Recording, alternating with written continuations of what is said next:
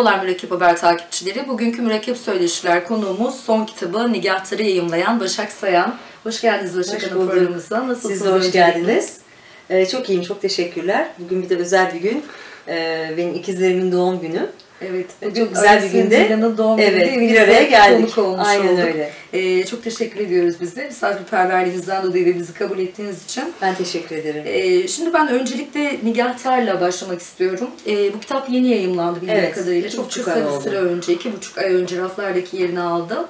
Ee, öncelikli olarak size şunu sorayım. Ee, bu kitapla ilgili süreç nasıl gidiyor? Nasıl geri dönüşler alıyorsunuz? Ee, benim için yani bütün yani her yazar için yazdığı bütün kitaplar çok değerlidir. Ama bu kitabın bendeki yeri... kitap burada değil mi? Evet, dördüncü roman. Hı hı. E, bendeki yeri çok çok başka. E, benim hayata bakış açımı değiştirdi bu kitap yazarken, araştırdığım konular itibariyle. Ve e, biliyordum ki beni yazarken bu kadar çok etkileyen, yazdığım konu itibariyle e, bu kitap e, okuyan insanları da bu kadar çok etkileyecek. Ki öyle oldu. Çok sevildi. E, satışlar çok iyi gidiyor. E, ve bana geri dönüşler. Okurken ağlıyorum. Yani öyle mesajlar, öyle mailler geliyor ki bana hem Instagram'dan hem Twitter'dan hem mail adresime. Ee, iki yıl sürdü kitabı yazmak. Her bir gününe, her bir anına değdi diyorum o mesajları okuduğum zaman. Hı hı. Çünkü hayatlarını değiştirdiğimden, hayata başka bir noktadan bakmalarına sebep olduğumdan bahsediyor insanlar ve binlerce kez teşekkür ediyorlar.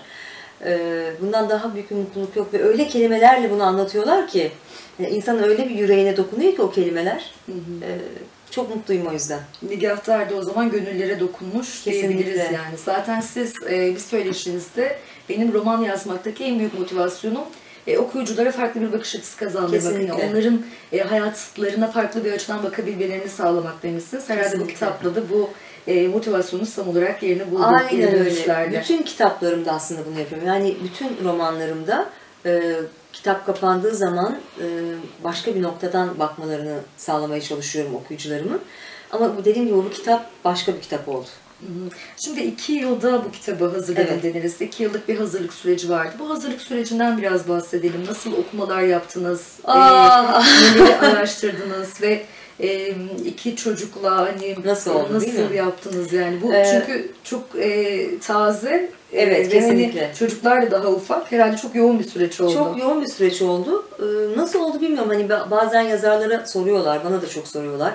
Ee, o e, fikir kitapla ilgili ilk fikir nasıl geliyor aklınıza diye. Hakikaten bununla ilgili hiçbir fikrim yok bir anda geliveriyor. Bazen akşam yatıyorsunuz, sabah uyandığınız zaman aklınıza bir fikir oluyor. Bazen e, boş boş bir televizyon, televizyon izlerken, bazen bir müzik dinlerken, bazen bir seyahate gittiğinizde, bazen bir sanat eserine bakarken herhangi bir yerde, herhangi bir anda gelebiliyor o fikir size ya da yaşadığınız bir olay neticesinde. E, doğumdan iki ay kadar sonra e, ben çok zorlu bir hamilelik süreci geçirdim e, ve çok zorlu bir doğum yaptım. E, çocuklarım da çok prematüre doğdular, çok küçüklerdi. E, emziremiyordum onları. E, emme refleksleri gelişmediği için henüz. Sürekli bir makineye bağlıydım. Süt üretmeye çalışıyordum o makinede ve her 3 saatte bir yaklaşık 45 dakika makinedeyim. E, ve e, o anlar o kadar e, bir tek başınıza bir odadasınız, bir makineye bağlısınız. Bir kitap okuyordum. İşte bir takım araştırmalar yapıyordum. Böyle bir anda yalnız kalabildiğim bir anda, iki çocuklar daha iki aylıktı. Ee, birdenbire benim aklıma Hallacı Mansur düştü. Hallacı Mansur'la ilgili hiçbir bilgim yoktu o ana kadar. Yani tek bildiğim Enel Hak dediği ve öldürüldüğüydü. Ee, ya bir anda aklıma geldi. Merak ettim ne oldu da bu, bu adam idam edildi diye. Sonra e, çok ilgimi çekti hayat hikayesi ve kitaplar aldım onunla ilgili. E, ve işte bu bahsettiğim anlarda, süt e, sağma anlarında ben sürekli e, bu kitapları okumaya başladım ve müthiş etkilendim. Arkasından e, tavasini, işte onun öğretisinin anlatıldığı kitapları aldım, okudum ve inanılmaz etkilendim. Hallacı Mansur bu topraklarda çok bilinen bir isim, isim olarak bilinen bir isim, kişi. Ee, ama herkes benim bildiğim gibi biliyor. Enen Hak dedi ve öldürüldü. Halbuki hı hı. o Mevlana'nın, Şems'in, Yunus Emre'nin, Hacı Bektaş Veli'nin, e, Pir Sultan Abdal'ın izinden gittiği kişi. O, bu isimler onun öğretisini devam ettiriyorlar. Fakat ne yazık ki bu bilinmiyor. E, yani bir anlamda aslında Hallacı Mansur Sufizmin atası babası. E, ve öyle bir öğretisi var ki, dinler üstü bir öğreti bu zaten. E, inanılmaz etkileyici. Zaten o kadar büyük bir e, Allah aşkıyla e, yollara düşüp e, nihayetinde hakikate varmış ki ve bu hakikati öyle bir aşkla anlatmış ki insanlara milyonlarca kitleler, çok büyük kitleler onu dinlerken kendinden geçiyorlarmış. Bağdat sokakları inliyormuş. Keza aslında her ne kadar Enel hak dedi ve öldürdü zannetsek de aslında öldürülmesinde başka siyasi etkenler var. Zaten anlatıyorum onları. Evet. Ee, Hallacı Masum hayatını ve tasavvufu tabii öğrenirken birdenbire e, bunun kuantum fiziğe ne kadar birbirine benzediğini fark ettim. Çünkü ben çok eteden beri yani eskiden beri kuantum fiziğine bir merakım var. Hep böyle okurum. Onunla ilgili kitaplar okurum, e, son gelişmeleri takip ederim. E, aslında ikisi de aynı şeyden bahsediyor. E, ikilik diye bir şey yok. Her şey bir, birliği anlatıyor. Birisi bunu bilimsel bir dille anlatıyor, Hı-hı. ispatlayarak. Diğeri bunu bundan 1100 sene önce gönül gözüyle anlatıyor. Hallacın öğretisinin temeli şu, nasıl ki bir damla okyanusun parçasıysa, var olan her şey, bir çiçekten bir böceğe, bir insandan bir köpeğe, bir kuştan bir buluta, bir akarsudan bir okyanusa. Her şey ama her şey o. Çok bütünlüklü ve çok evrensel Her şey o. O yüzden ne ben varım diyor, ne sen varsın diyor. Ne, hmm. ne Budist var diyor, ne Yahudi var diyor, ne Hristiyan var diyor, ne mezhepler var diyor. Hiçbir şey yok diyor. Var olan her şey o zaten. Hani inanılmaz bir şekilde anlatıyor bunu. Bir de bir nokta felsefesi var onun kitapta da anlatıyorum. Ee, Tanrı'nın tanımını yapıyor. Yani e, ona kimileri Brahma diyor, kimileri Tanrı diyor, kimileri Allah diyor, kimileri kutsal öz diyor, kimileri tin diyor, kimileri bütün diyor. Ama hmm. ne dersen de hangi kelimeyi kullanırsan kullan. Kelimeleri biz yarattık. İnsanlar yarattılar kelimeleri.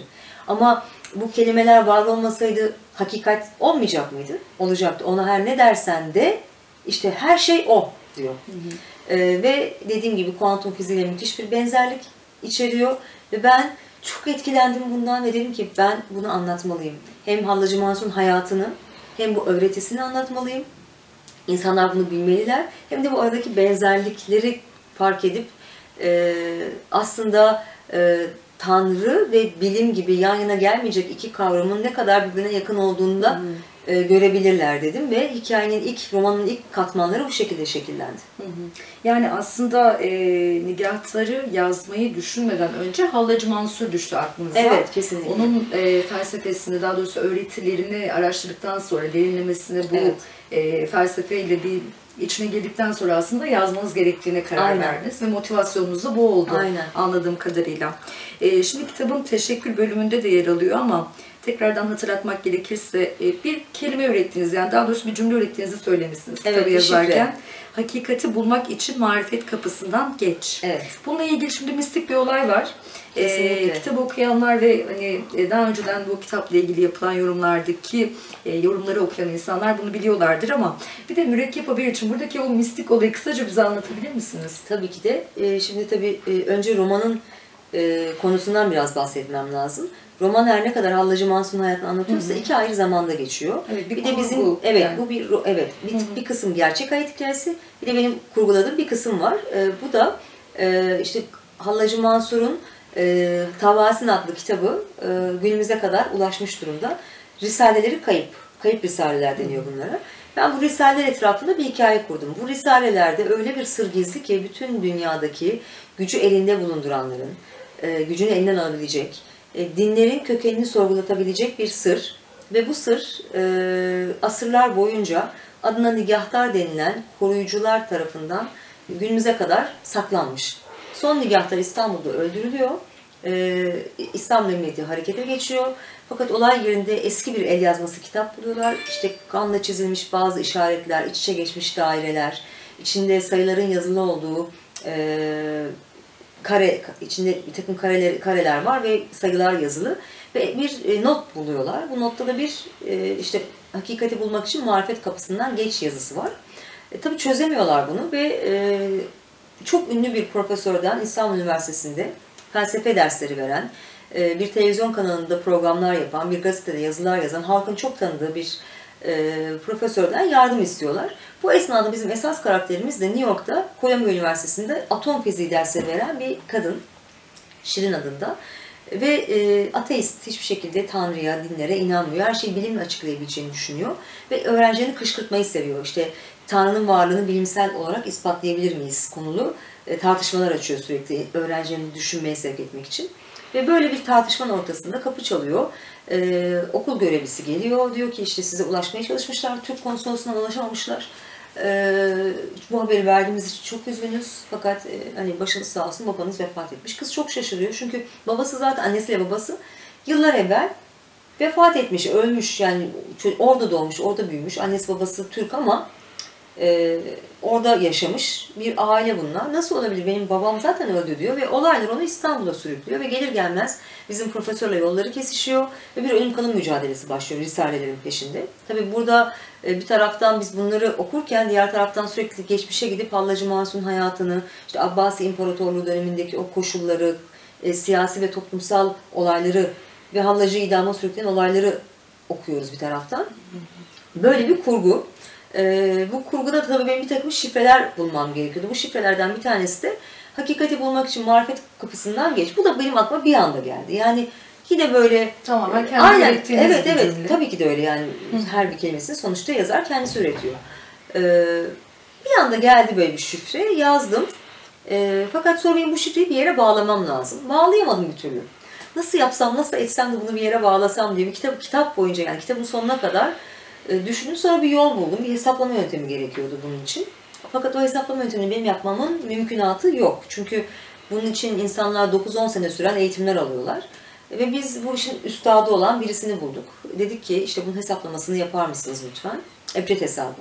Hı hı. Ee, çok zor bir hesaplama yöntemi Ebced hesabı. Ee, acayip yani denedim kendi kendime yapabilmeyi ama olmadı.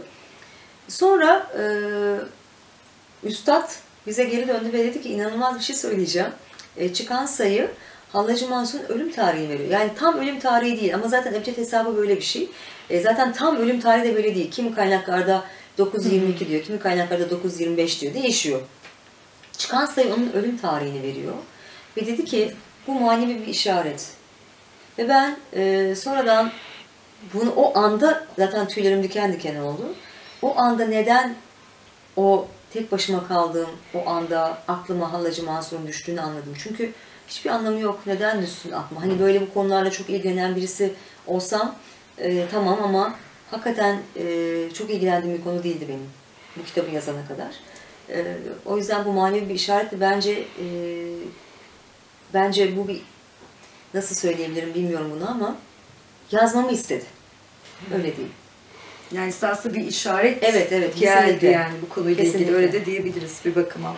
E şimdi bildiğim kadarıyla Nigahtar'ın ikincisi gelecek. Evet. Devam niteliğinde bir kitap daha gelecek. E peki bununla ilgili hazırlıklara başladınız mı? Anda bir şeyler yapıyor musunuz? Ee, şöyle kitaplar var. Şimdi demin de sordunuz hani nasıl hazırlandınız Hı-hı. diye. Şimdi ee, ikinci çok hazırlık okuma yaptım. Başladı. Yani şimdi Hallacı Mansur'un hayatını, öğretisini, o, kitaplar dolusu yani bir sürü kitap şöyleydi. Ee, okumak durumunda kaldım. Ee, ama sadece bu yetmezdi. Abbas İmparatorluğu dönemini okumam gerekiyordu. Muktedir Billah döneminde geçiyor. Ve bu, onun babası döneminde geçiyor. Ama idamı Muktedir Billah dönemi. O da ilginç bir dönem Abbas İmparatorluğu için. O dönemi incelemem gerekiyordu. İşte e, o devletin e, iç yapısını, o dönemki olayları işte mesela Zenci ve e, Karmati isyanları döneme damgasını vurmuş. Çok yozlaşmış bir kültür aslında son dönemleri özellikle. E, işte hırsızlık, adam kayırma, rüşvet, e, her şey almış başını gitmiş yani çok fena durumda. E, o dönemi iyi analiz etmem gerekiyordu. E, işte tasavvufla ilgili e, bilgilenmem gerekiyordu. Onunla ilgili çok konu okudum, çok kitap okudum. Ve tabii e, fizik okumam gerekiyordu, kuantum fiziği. Her ne kadar biliyor olsam da daha fazla okuma yapmam gerekiyordu. İlk kitapları ilk odaya yığdığımda böyle devasa bir kitap yığını oldu. Eşim bakın nasıl olacak falan diyordu. Ee, şimdi ikinci kitap öncesi ben yine tabii araştırmalarımı yaptım. Daha doğrusu araştırma derken kitaplarımı, hangi hmm. kitaplardan araştırma yapacağımı belirledim. Kitaplarımı topladım. Böyle bir 30-35 e, tane kitaplık bir e, okuma listem var şimdi. Önce bir ee, okuma listesi oluşturdunuz tabii, yani hazırlık evresi Tabii tabii çünkü biliyorum ne yazmam gerektiğini. Ee, o yüzden yakında işte böyle ufak ufak karıştırmaya da başladım. Daha hazır değilim ama. Hı hı. Çok yorgunum çünkü. Ee, başlayacağım önce bir okumaları. Arkasından zaten kafamda hikaye. Nasıl ilerleyeceğimi biliyorum. Hı hı. Ondan sonra yazmaya başlayacağım. İlk adım atıldı. Yazma evet. evresine geçilecek anladığım kadarıyla. Ee, şimdi ben e, size dönmek istiyorum. Daha kişisel bir soru soracağım.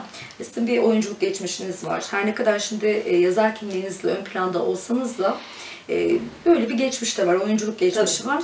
E, ve bir yerde hayatta var olma nedenimin yazmak olduğunu anladım demişsiniz. Yani bunu fark etmenize neden olan şey neydi? Hani belki illaki de tek bir şey yoktur ama hani bir süreç vardır. Yani onun kırılma noktası neydi onu merak ediyorum. Aslında ben bunu çocukken de biliyordum.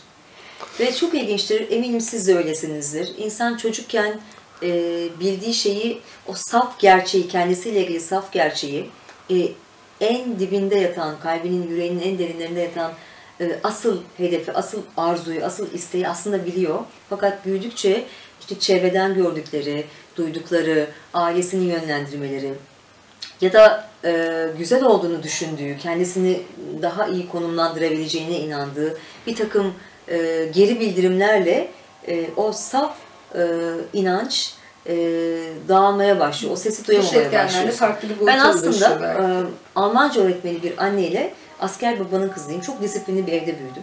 Ve ben okuma yazmayı çok erken öğrendim. E, fakat o kadar disiplinli bir evdi ki benim o disiplinden kaçabilmemin tek yolu kitap okumaktı. Ben çok kitap okuyordum ki hala öyle. Yani bu kütüphaneden üç tane daha var düşünün. E, kitap okumadığım gün eksik hissediyorum kendimi. E, edebiyat kaçış demek. Benim için hakikaten bambaşka dünyalara gitmekti. E, okuduğum her kitap, her roman. E, okudukça da yazmaya başladım. E, genelde de ilk öykülerimi ilkokulda yazdım ve e, benim hayallerimdeki hayatı yaşayan bir kızdı yazdığım hep. Onun maceraları da, onun başından geçenlerdi. de yazar olmak istiyordum. E, liseye kadar bu istek hep devam edip hep yazmaya devam ettim. E, sadece öyküler değil, e, denemeler, şiirler de yazıyordum. E, sonra lisedeyken Mürtet Hava Üstü'nde doğdum büyüdüm ben. Şimdi Akıncı olarak geçiyor orası. Bir gün bizim e, lojmana TRT'ye çekilen bir dizi ekibi geldi. Yani o dizi için bütün ekip lojmana geldi. Yerleşti misafirhaneye dönemin en ünlü aktörleri ve aktrisleri. Ben lise 1'deyim. E, ve biz okuldan çıkıp koşu koşu sete giderdik. Böyle e, hayalleri dalarak e, onları nasıl çalıştığını, işte sahneleri nasıl hazırlanıyorlar, çekimleri, çekimleri izliyoruz falan. Tabii ben onları izlerken tabii onlara insanların ilgisi, e, hayranlıkla izliyorsunuz yani. Ve dedim ki ben ben oyuncu olacağım. Ama ben biliyordum ki yani buraya gelmeme bakıyor her şey. Çünkü babam istemiyordu kesinlikle. Geldikten e, birkaç ay sonra, hatta iki ay falan galiba e, bir televizyon kanalında program sunmaya başladım. E, kendim gidip başvurdum. Ve hemen arkasından da aradan çok kısa bir süre geçti. Bana ilk oyunculuk teklifi geldi ekrandayken bir yapımcı tarafından. Öyle başladı oyunculuk kariyerim. Ama ilk e, aslında kariyer hedefiniz anladığım kadarıyla daha doğrusu yani yazmaktı. olan şey yazmak. Ama ben oyunculuk yaparken de hep yazmaya devam ettim zaten. Yani hep yazdım. Hı-hı. Hiç e, yazmadığım hiçbir dönem olmadı. Sadece bunları e, insanlar bilmiyordu, yakın çevrem biliyordu. Şimdi e, az önce çok güzel şeyler söylediniz. Hani biz çocukken e, en saf halimizle aslında içimizdeki asıl arzuyu keşfedebiliyoruz diye. Hani e, evet çocukken insanlar dış etkenlerden çok fazla etkilenmiyorlar. Ben şimdi bu noktada şunu merak ediyorum. Yine sizin söylediğiniz bir şey var. E, takipçilerinize, Instagram'dan takipçilerinize hatta bunu söylemişsiniz. Kalbinizdeki gizli arzularınızın değil de bu dünyadaki bulunma dediğinizin bir an önce gerçekleşmesini diliyorum diye. E şimdi burada dış etkenlerin e, çok fazla etkisi var. Ailenin, arkadaş çevresinin. Belki dışarıdan gördüğümüz e, büyülü dünyanın içinde belki daha çok olmak istiyoruz. Belki daha e, yalın bir şey bize hitap ediyor. E, peki Başak Sayın'ın bu noktada kendi keşfettiği şeyler neler oldu? Yani oradaki aslında bu kariyer seçiminde, kariyer hedefinde nasıl dış etkenler vardı? Az önce biraz bahsettiniz ama bunları biraz daha açabilir miyiz? İşte bahsettiğim şey yani lojmanda büyüyen bir çocuk çok disiplinli bir ortamda büyüyen bir çocuk. Çok da dikkat çekmeyen bir çocuktum ben. Ee, çok güzel değildim. Çok zayıftım. Ee, çok alay edildi mesela benle. Ve hani e, hep böyle kendimi, herkes beni beğensin, herkes beni alkışlasın, herkes beni sevsin ıı, arzusu vardı içimde. Bence e, oyunculuk kariyerini o kadar çok şiddetle arzulamam liseye başladığımda o ilk anla birlikte e, sebebi buydu. Çünkü onu şeyler. evet e, ben bu şekilde tatmin edebildim ve oradaki yaraları da bu şekilde sardım zaten.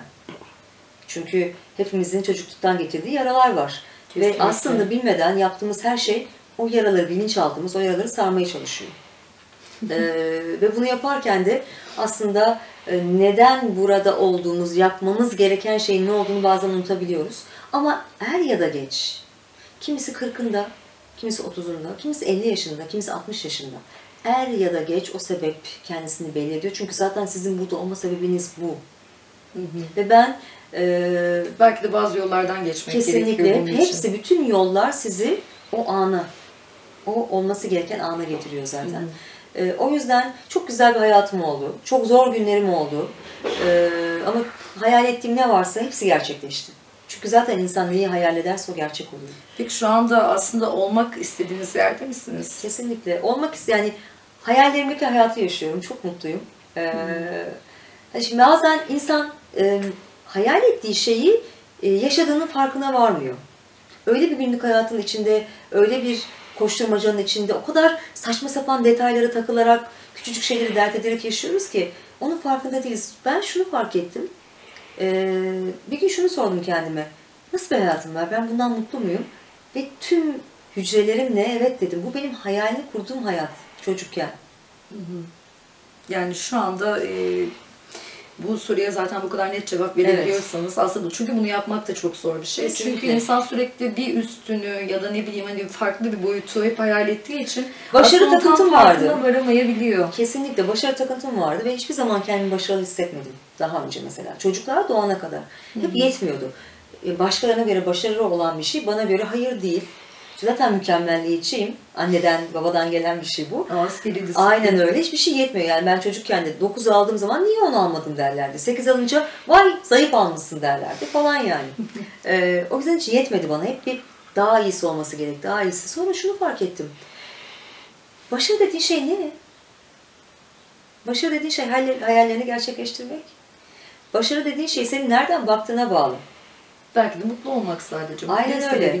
Ee, anne olmak da bir eğer başaramıyorsan bir türlü yani vücudunla ilgili bir takım problemler varsa iyi anne olmak da bir başarı. iyi bir evlilik yürütebilmek de bir başarı.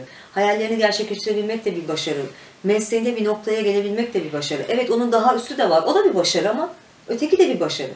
Senin Kesinlikle. yerinde olmak isteyen de milyonlarca insan var. Bilemezsin.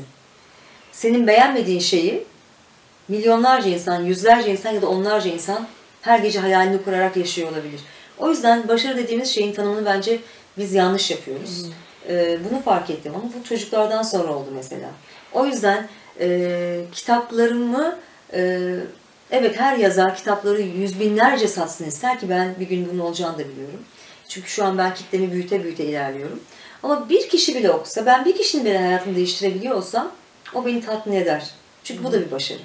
Yani en büyük motivasyonunuz da bu Evet, zaten kesinlikle. daha önceden de söylediğiniz gibi. Ee, şimdi hazır annelikten sonra bunları fark ettim dediniz. Biraz da o noktaya gelelim istiyorum. tamam. Annelik hayatı nasıl gidiyor? Yani şunu aslında merak ediyorum. Anne olduktan sonra hayatınızda neler değişti? Ah, az önce gördünüz. Evden dışarı çıkamıyorum. Ee, ama zaten çıkmayı da istemiyorum. Ee, önceden de çok böyle sosyal bir insan değildim. Hani iş dışında ben pek dışarı çıkmam.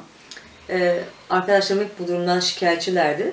Şimdi diyorlar ki bana e, değişen bir şey olmadı ki senin hayatında. Hep evdeydin, hep evdesin falan. Tabii ki de değişen, e, öyle gözükse bile değişen çok şey oldu. Ee, önceden daha kendime dönük, daha bencil ama sağlıklı bir bencillikten bahsediyorum. Hiçbir zaman böyle çok e, patolojik bir bencillik söz konusu olmadı bende. E, ama her şeyden önce doğal olarak her şeyin merkezinde ben vardım. Sevdiğim şeyleri yapıyordum, sevmediğim şeyleri yapmıyordum. Bugün seninle görüşmeyi istemiyor muyum? Tamam görüşme, görüşmem. Ben önemliyim.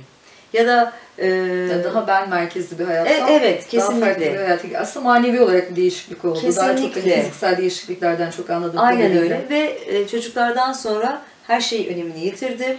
E, kariyer saplantım, başarı saplantım hepsi hepsi geçti. E, hepsinin ne kadar gelip geçici olduğunu fark ettim. Şöhretin, paranın, evet bunların hepsi çok güzel duygular. Belki tatmin diyeceksiniz ki tatmin oldunuz o yüzden böyle hissediyorsunuz. Hayır kes- kesinlikle çok samimiyim burada.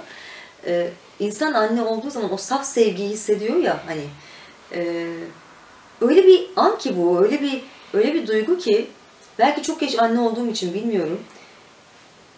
Her şey boş. Yani onlar sağlıklı mı, yanınızda mı? Bana dönüp sarılıp e, gülümsüyorlar mı? Hı hı. Saçımı okşuyorlar bazen. Yanaklarımı böyle elini alıp bakıyor gözümün içine. Yani öyle bir an ki bu her şey boş. Onlar sağlıklı olsun, onlar iyi olsunlar. Zaten parayı niye kazanıyorum? Onlar için kazanıyorum. Hı hı. Öncelikler değişti. Kesinlikle. Yani, artık. Ee, evet, tamamen farklı bir insan oldum. Yani şimdi Ares var, Milan var. Ee, Mia var, siz korkuyorsunuz Mia ama. var. Evet ben korkuyorum ama Mia var. Ee, onlarla vakit geçiriyorsunuz, onlarla birliktesiniz ama yazarlık kariyeriniz dışında yani şu anki iş hayatınız dışında yani gündelik hayatta nelere vakit ayırıyorsunuz? Daha çok yani hobileriniz neler? Ya çok ilginç bir şey. Ee, bugün de ben siz gelmeden önce bunu düşünüyordum. Ben benim ben ne yapıyorum başka diye. Hani böyle düşünürsün ya. Ee, yazmadığım dönemler, e, yazdığım çok yoğun geçiyor çünkü. Yine evdeyim, çocuklarla birlikteyim. Ee, işte sabah her sabah her şeyimiz saatli. İşte sabah 7 gibi kalkıyoruz hep beraber. Onlar da öyle, ben de öyle. Ablalarımız da öyle. Yani bütün ev 7'de kalkıyor. İşte kahvaltı faslı falan. Sonra e, saat 9 ile 11 arası, 11.30 arası bir oyun saatimiz var. İşte onlarla oyun oynuyorum, resim yapıyorum. Çizgi film izliyorum. Ee, sonra işte onların böyle e, mama yiyip yani öğle yemeği yiyip uyudukları bir zaman aralığı oluyor bir 3-4 saat kadar. O arada işte oku, kitap okuyorum, film izliyorum. Ee, varsa dışarıda yap- yapmam gereken işler onları hallediyorum. Ee, bunları yapıyorum aslında çok da e, böyle değişik değişik bir şey yapmıyorum. Fakat e, bugünlerde bir şey karar verdim. E, resim dersleri almak istiyorum. Resim yapmak istiyorum. Her zaman yeteneğim vardı benim resme. E, ama hani böyle bir e, ciddi bir eğitim alıp bir şey yapmak. Yapmadım. Ben hiç düşünmedim böyle bir şey. Fakat e, şu, Şu an an beni çağırıyor böyle. Mesela Çin'i yapmak istiyorum. Çin tabaklar var ya böyle çok güzel, çok hoşuma gidiyor. Böyle değişik e, hobiler edinmeyi planlıyorum. Daha adım atmadım ama Hı hı. önümüzdeki hafta bununla ilgili bir adım atmayı planlıyorum. Şimdiden başarılar diliyoruz. Çok teşekkür ediyorum, sağ olun. Ee, biz çok teşekkür ederiz bize vakit ayırdığınız için. Ben çok teşekkür ediyorum. söyleşi oldu. Çok güzeldi hakikaten, benim için de öyleydi. Teşekkürler. Ee, Nigahtlar'la ilgili süreç devam ediyor. Henüz çok yeni. Umarım daha büyük kitlelere ulaşır. İnşallah. Çok daha iyi bir yere gelir. İnşallah. Ee, çok teşekkürler tekrardan. Ben teşekkür ediyorum. Ayağınıza sağlık. Ee, Mürekkep Haber takipçileri bugünkü Mürekkep Söyleşiler konuğumuz son kitabı Nigahtlar'ı yayımlayan Başak Sayan'dı. Ee, kendisiyle çok keyifli bir söyleşi gerçekleştirdik. Bir dahaki programda görüşmek dileğiyle. Hoşçakalın.